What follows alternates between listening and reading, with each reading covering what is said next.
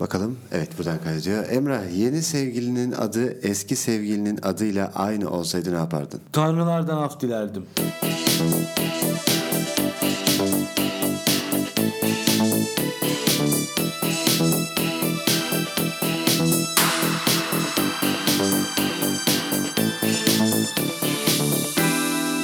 Ağustos ayının ilk günlerindeyiz. Neler düşünüyorsun? Ağustos ayı benim için insanların tamamen tatil moduna girdiği, geri dönüşü olmayan bir tatil kafasının yaşandığı, tatlı Eylül'e göz kırpılan yeni dönem, yeni sezona merhaba denmeden önceki ay. Ağustos ayı. Ağustos geldi mi yaz bitti derler. Ne diyorsun? Doğrudur. Bölüyorum. İstanbul'un 15 günü yaz, 15 günü artık kıştır derler Ağustos için. Ne dersin? Diyenlerin ellerinden öper, selam ederim. Ağustos bir hüzün ayı mıdır? Ağustos bir hüzün ayı olmasa bile Ağustos bir düşünce ayıdır. Veya hüzün Bir ayına, arınma ayıdır. hüzün ayına başlangıçta olabilir mi? Eylül daha mı hüzünlü acaba? Eylül bana her zaman daha umut verici gelir. Bütün e, yeni şeyler Eylül'de çıkıyor çünkü. Yeni sezonda. Her şey, diyorsun. evet, Peki yani- Ağustos'un 22'si ile Eylül'ün 22'si arasında olan Başak Burçları hakkında ne düşünüyorsun? Başak Burcu dinleyicilerimizin olduğunu varsayarak ve bir dinleyici bir dinleyicidir diyerek Başak Sevgiyle Burcu'na çok yüklenmek istemesen de Başak Burcu enteresan bir Başak Burcu'nun 3 belirgin özelliğini söyler misin? titizlik. Titizlik ve titizlik. Yani Başak Burcu ile ilgili söylenebilecek karmaşık bir zihin yapısı, titizlik ve çözümü bekleyen sorular diyebilirim. Bando Lab Ocak 2019'da başladı. Şu an e, 8. ayına girdik ve burada 3-4 kişi bizimle birlikte. Bando Lab'i biraz anlatır mısın? Paylaşımlarımızda hep bahsediyoruz Instagram paylaşımlarımızda. Fakat e, ben gördüm ki birkaç soru geliyor. Bando Lab nedir? Siz orada ne yapıyorsunuz? Kaç kişisiniz? Oradaki kişilerin özellikleri nedir? Metin yazarı mıdır? Grafik tasarımcı mıdır? E, sosyal medya uzmanı mıdır? Gibi sorular var. Bando Lab nedir? Ya Bando Lab, Bando Creative Studio çatısı altında e, bir çaylak yetiştirme programı aslen. Özellikle üniversite öğrencilerinden seçtiğimiz başarılı yahut gelecek vaat ettiğini düşündüğümüz gençlerle yürüttüğümüz bir program. Burada stajyer demiyorum özellikle çünkü biz bir stajyer e, programı yürütmüyoruz aslında. Yani bizde böyle bir şey bir e, tanımlamada bulunmuyor. Ben buna da çok karşıyım. Bir tasarımcı ya deneyimlidir ya deneyimsizdir. Ama bir tasarımcıdır. Bu yolu seçmiştir ve devam ediyordur. Dolayısıyla biz bunlara çaylak demeyi tercih ediyoruz. Çaylak tasarımcıların e, bizim kendi kontenjanımız dahilinde hem yetiştiği hem öğrendiği hem de üretime katkı yaptığı bir platform. Yani Bando e, laboratuvarı aslında. Biz buna Bando Lab dedik. E, çok da keyifli gidiyor. E, iki taraf için de iyi oldu. Bizim hem gençlerle buluşmamız anlamında iyi oldu. Onların özgürleşmesi, tasarımcılık e, faaliyetlerinin daha özgür bir hale gelmesi, kendilerini tanımaları. Biz sadece çünkü basa başında tasarımcı olarak bakmıyoruz. Bir bütün insan. Dolayısıyla e, her konuda, her yönde burada hem onları yetiştirmeye çalışıyoruz. Açıkçası ben de beni de gençleştiriyor böyle şeyler. Hem kendini tekrar eğitiyorsun. Tekrar öğreniyorsun. Tekrar bildiklerini tekrar ediyorsun. Bazı bildiklerin yanlış mı acaba diyorsun. Birçok şey problem çözüm problem çözüm ortaya çıkıyor. Dolayısıyla e, Bandolep böyle bir çaylak yetiştirme programı diyebiliriz. Ne öğreniyorlar burada? Yani iş yapış şekli mi, düşünce nasıl düşüneceğini mi öğreniyor yoksa program bilgileri mi? Valla aslında hepsi ama evvela düşünce şekli yani kendine bakışı. Ben açıkçası biraz e, bu konuda yorum yapabilecek kıvamda olduğumu düşünüyorum. Yani zaman olarak, e, mesleki olarak. Türkiye'de akademik eğitim ve çekirdek aile eğitimi konusunda bizim çok aslında problemlerimiz var. Dolayısıyla üniversiteye gelmiş bir e, vatandaş aslında birçok açıdan yeterli eğitim veya öğretimi almamış oluyor. Bu bizim sektörel olarak da işlere de yansıyor. E, mezun olduktan sonra iş arama serüvenleri çok sancılı oluyor. Yani iki taraf için de çok sancılı oluyor. Beklentiler ve onların hayattan bekledikleri. Biliyorsun yeni terane gençler değişti, gençleri anlamak lazım da gidiyor. Sürekli bir e, kuşak e, numaralandırması ve bu numaralandırma üzerinden insan tanımlanıyor. Bunların hepsi çok hatalı bence.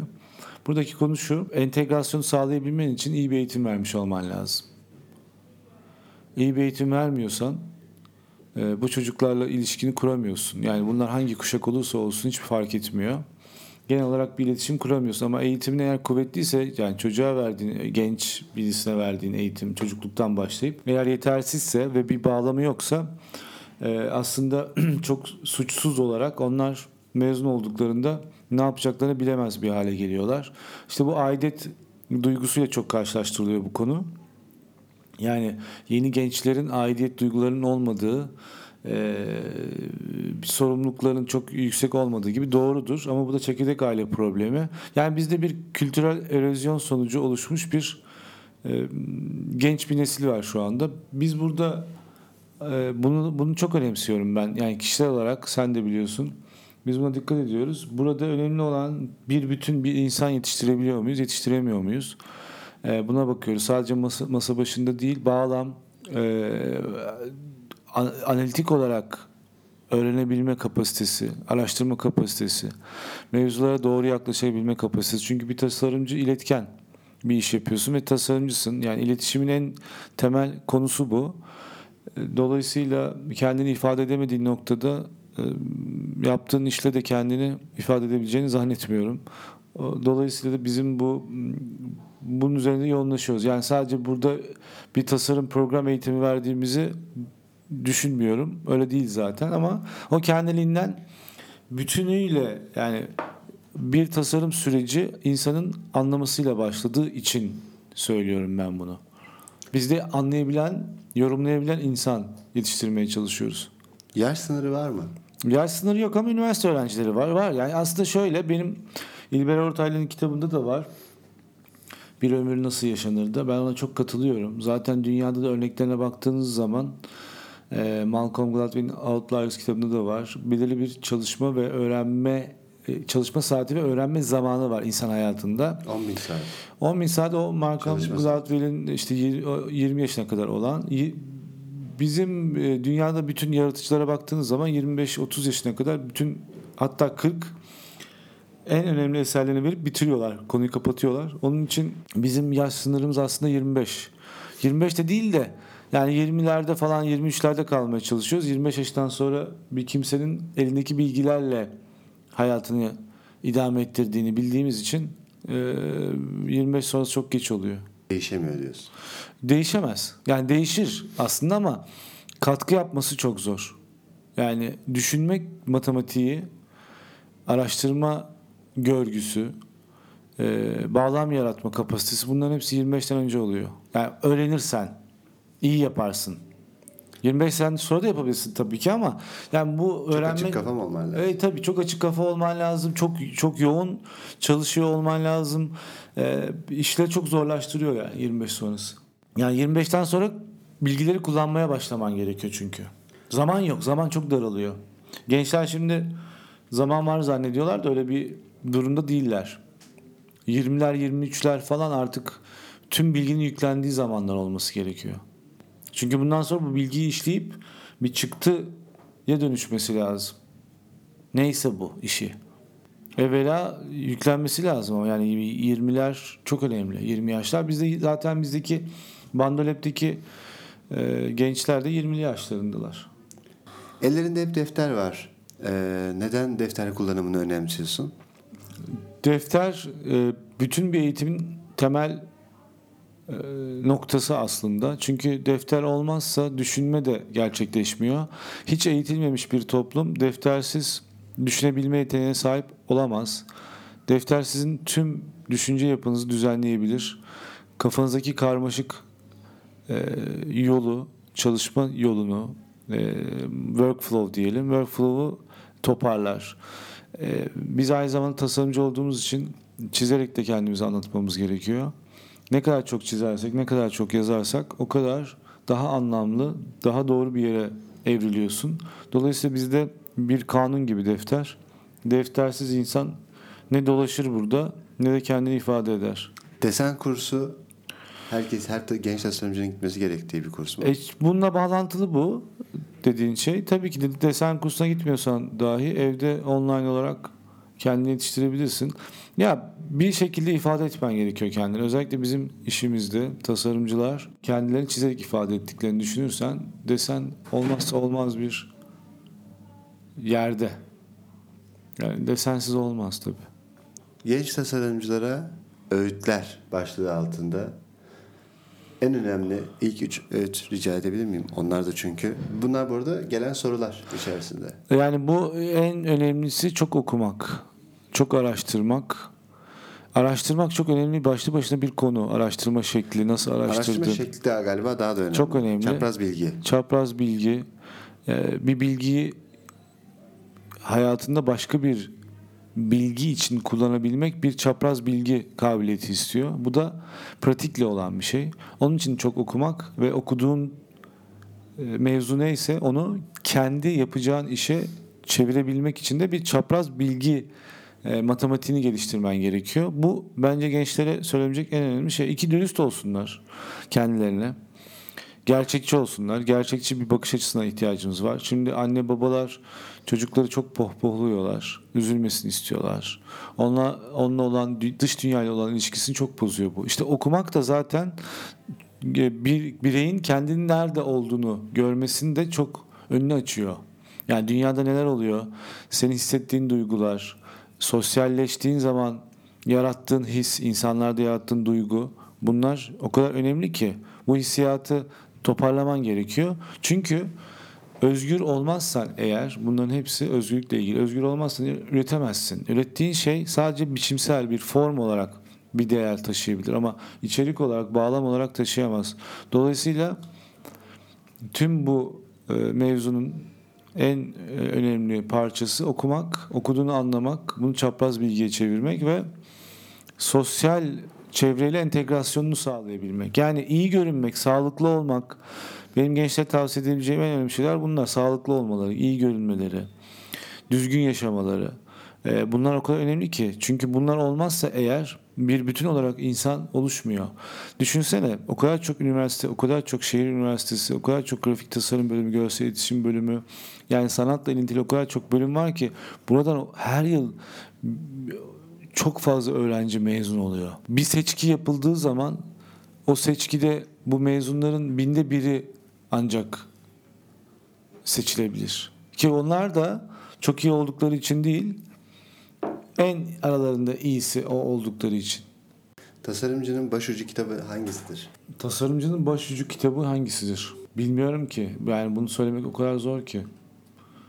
Ee, bir tasarım kitabı olarak mı söylememiz gerekiyor acaba? Yo, komple bir insan oluşturmaktan bahsetmiştik ya. Esas tasarımcı derken biri genç birinin Ya bence klasiklerdir ya. Klasikleri okumalıdır yani. Klasik kitapların hepsi başucu kitabı olmalı. Yani aklıma böyle söyleyince direkt bir şey gelmesi çok zor. Her şeyi okumaları lazım. Evet her şeyi okumalı. Bir de bir şey söyleyeceğim burada. Reklamcılık kitapları reklamcılık ve tasarım kitapları çok doyurucu kitaplar değil. Daha çok sosyolojiye yönelsinler, insan bilimine. Çünkü kişinin kendini anlaması, özgürleştirmesi gerekiyor. pazarlama içinde mi? Evet her şey için bu geçerli. Yani aslında meslek bağımsız olarak insanın kendini gerçekleştirmesiyle ilgili. Yani sosyoloji e, yedi yönelsinler. Beni Bizim korkutur zaten. sektörel kitaplar çok önemli değil ya. Beni hep korkutur zaten girişimciler içinde. Girişimci niye kitabı falan diye böyle. Yok ya onların hepsi Onlar yalan yani. yani. Evet, sosyoloji bilmek lazım. insanın kendini tanıması lazım. Ee, bizim tasarım kitapları, reklamcı kitapları hep sonuçlardan bahseder Göksel. Yani birileri bir şeyler yapmıştır ve ürünlerin çıktılarını görürsün. Bunun bir önemi yoktur. Ne, nasıl olduğunu. Hayranlık duyarsın ama zaten onda dünyada çok nadir insanlar var. Onların işlerine bakıp e, kendi yolunu bulman gerekir. Ama yine de dediğim gibi bu tek başına bir şey değil. E, sosyoloji çok önemli. Felsefe, sosyoloji, psikoloji, Olabildiğince biyografiler ve romanlar tabii ki. Öykü. Bizim işimiz öykü anlatmak çünkü. E, bu arada Bu yani podcast herhalde e, gelmiş geçmiş en ciddi podcast oldu. e, bu bir tane buna ihtiyaç vardı Var çünkü mıydı? bunlar sorular. Tamam. Ee, bunları konuşmamız gerekiyor. Sonuna doğru mutlaka zaten yine bir şeye bağlanır da. Öykü anlatıcılığı zaten e, bütün sanat dallarının herhalde. En temel konusu. Bizim insan tarihinin en temel konusu. Biz öykü anlatarak birbirimize iletiştik zaten. Başka bir şekilde olması söz konusu değil. Hep hikaye anlatıyoruz. İyi hikaye anlatmak lazım. İyi hikaye anlatmak için de iyi sosyalleşmek lazım. Okumak lazım. Ee, kelime ya mesela benim diğer takıldığım konu Türkçemiz. Yani Türkçe kullanımı. Türkçedeki kelimeler. Osmanlıca, eski Türkçe, Türkçe kelimeleri yerine İngilizce kelimeleri kullanmak. ya kullanabilirsin de hani TDK'ya bakıyorsun bazı okazyon mesela dün şaşırdım Işıl'da bana gösterdi. Okazyon. Okazyonu almış TDK sözlüğe.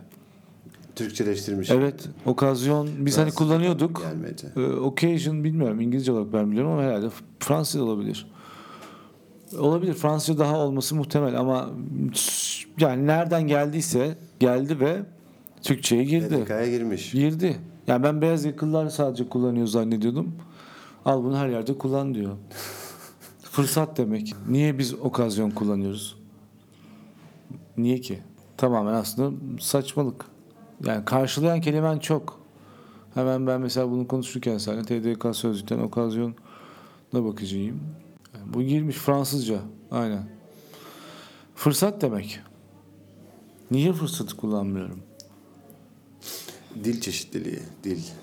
Yani Onu mu fırsat da Arapça. Onu mu hedefliyor? Dolayısıyla bizim burada e, en azından kendi dilimizi oluştururken kullandığımız diğer diller üzerinden gitmek daha mantıklı geliyor. Fransızcasına ihtiyaç yoktur aslında yani. Dil derinleşmiyor böyle. Dil kendi anlamında derinleşiyor bence. Kendi kelimeleriyle derinleşiyor.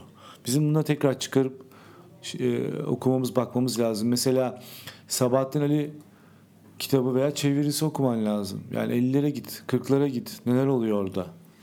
İşte bu araştırma bu. Farklılaşmak böyle oluyor.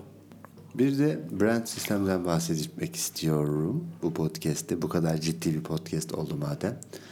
Bir de diğer e, bizim kullandığımız senin e, markalara önerdiğin kurumsal kimliklerinizi atın, yırtın.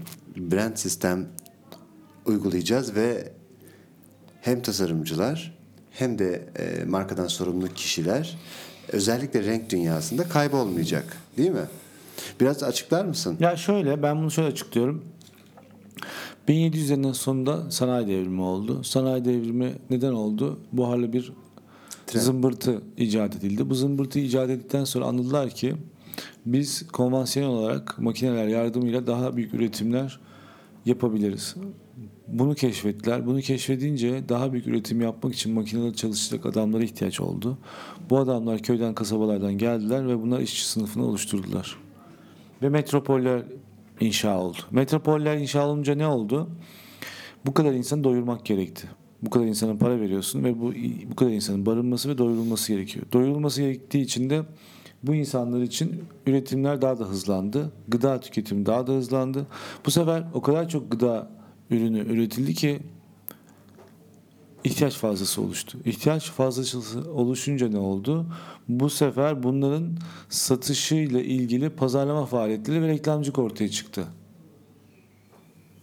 Reklamcılık ortaya çıkınca çok sert, çok çetin, manipülatif insanları yönlendiren bir ortam oluştu ve bizim şimdi pop kültür dediğimiz e, makineleşmenin, reklamcılığın, ihtiyaç fazlasının ve insanların kendilerini daha iyi hissetmesini sağladıkları bir yüzyıla bir çağa evrildik.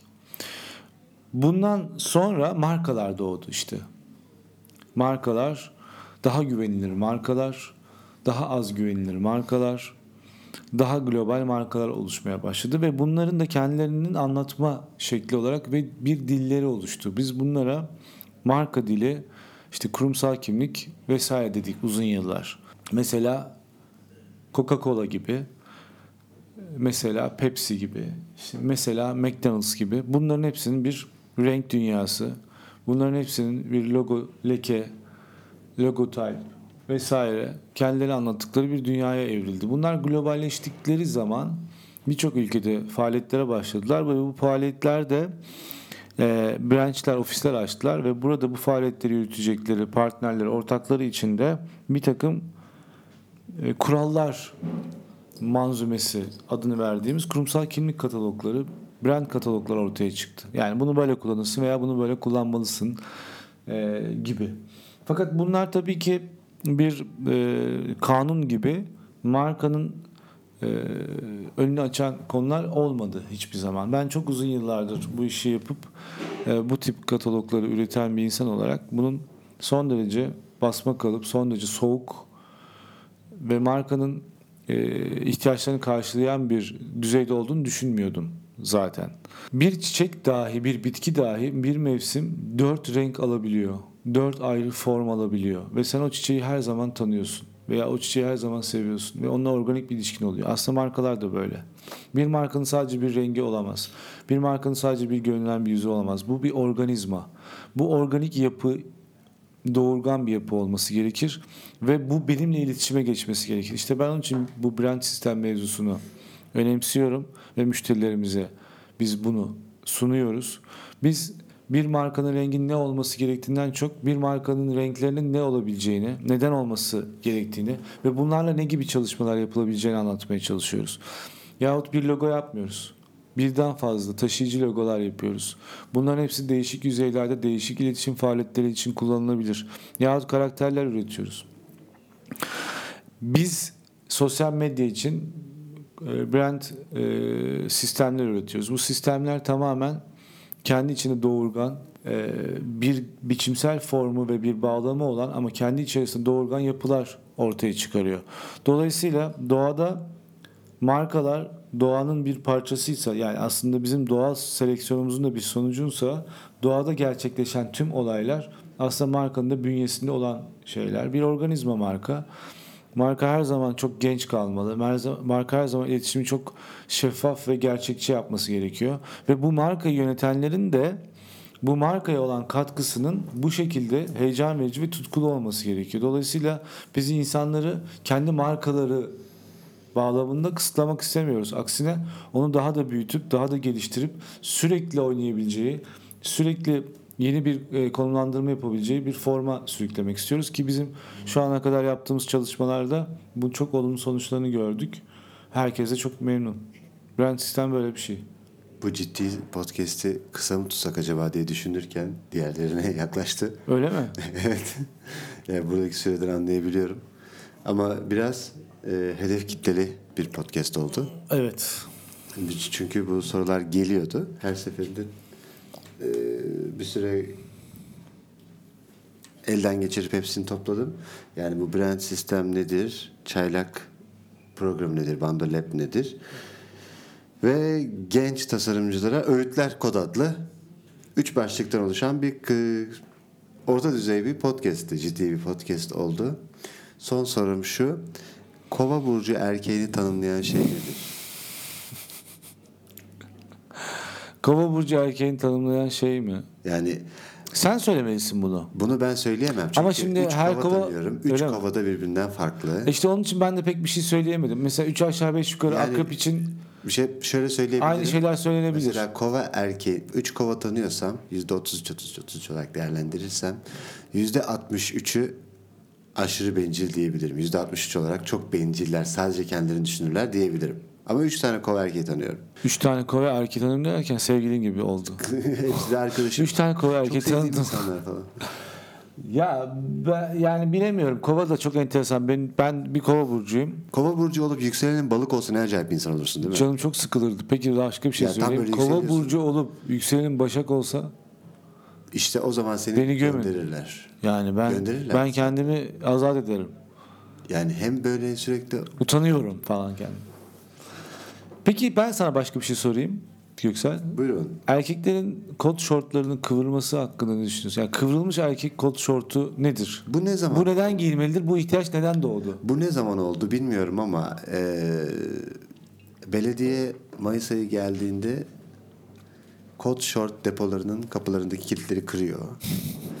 Ve kadın erkek ayırmadan kot şortluluk hafta içi hafta sonu demeden herkesin giydiği bir şey oluyor ve bu kot öncelikle tekstil tasarımcılarını tebrik ediyorum. Çünkü bin bir çeşit kot şort var. Yani bin bir çeşit. Ben anlayamadım. Erkek için bile en az 15 çeşit kot şort var. Ya bu kot şort hoş bir şey değil ya.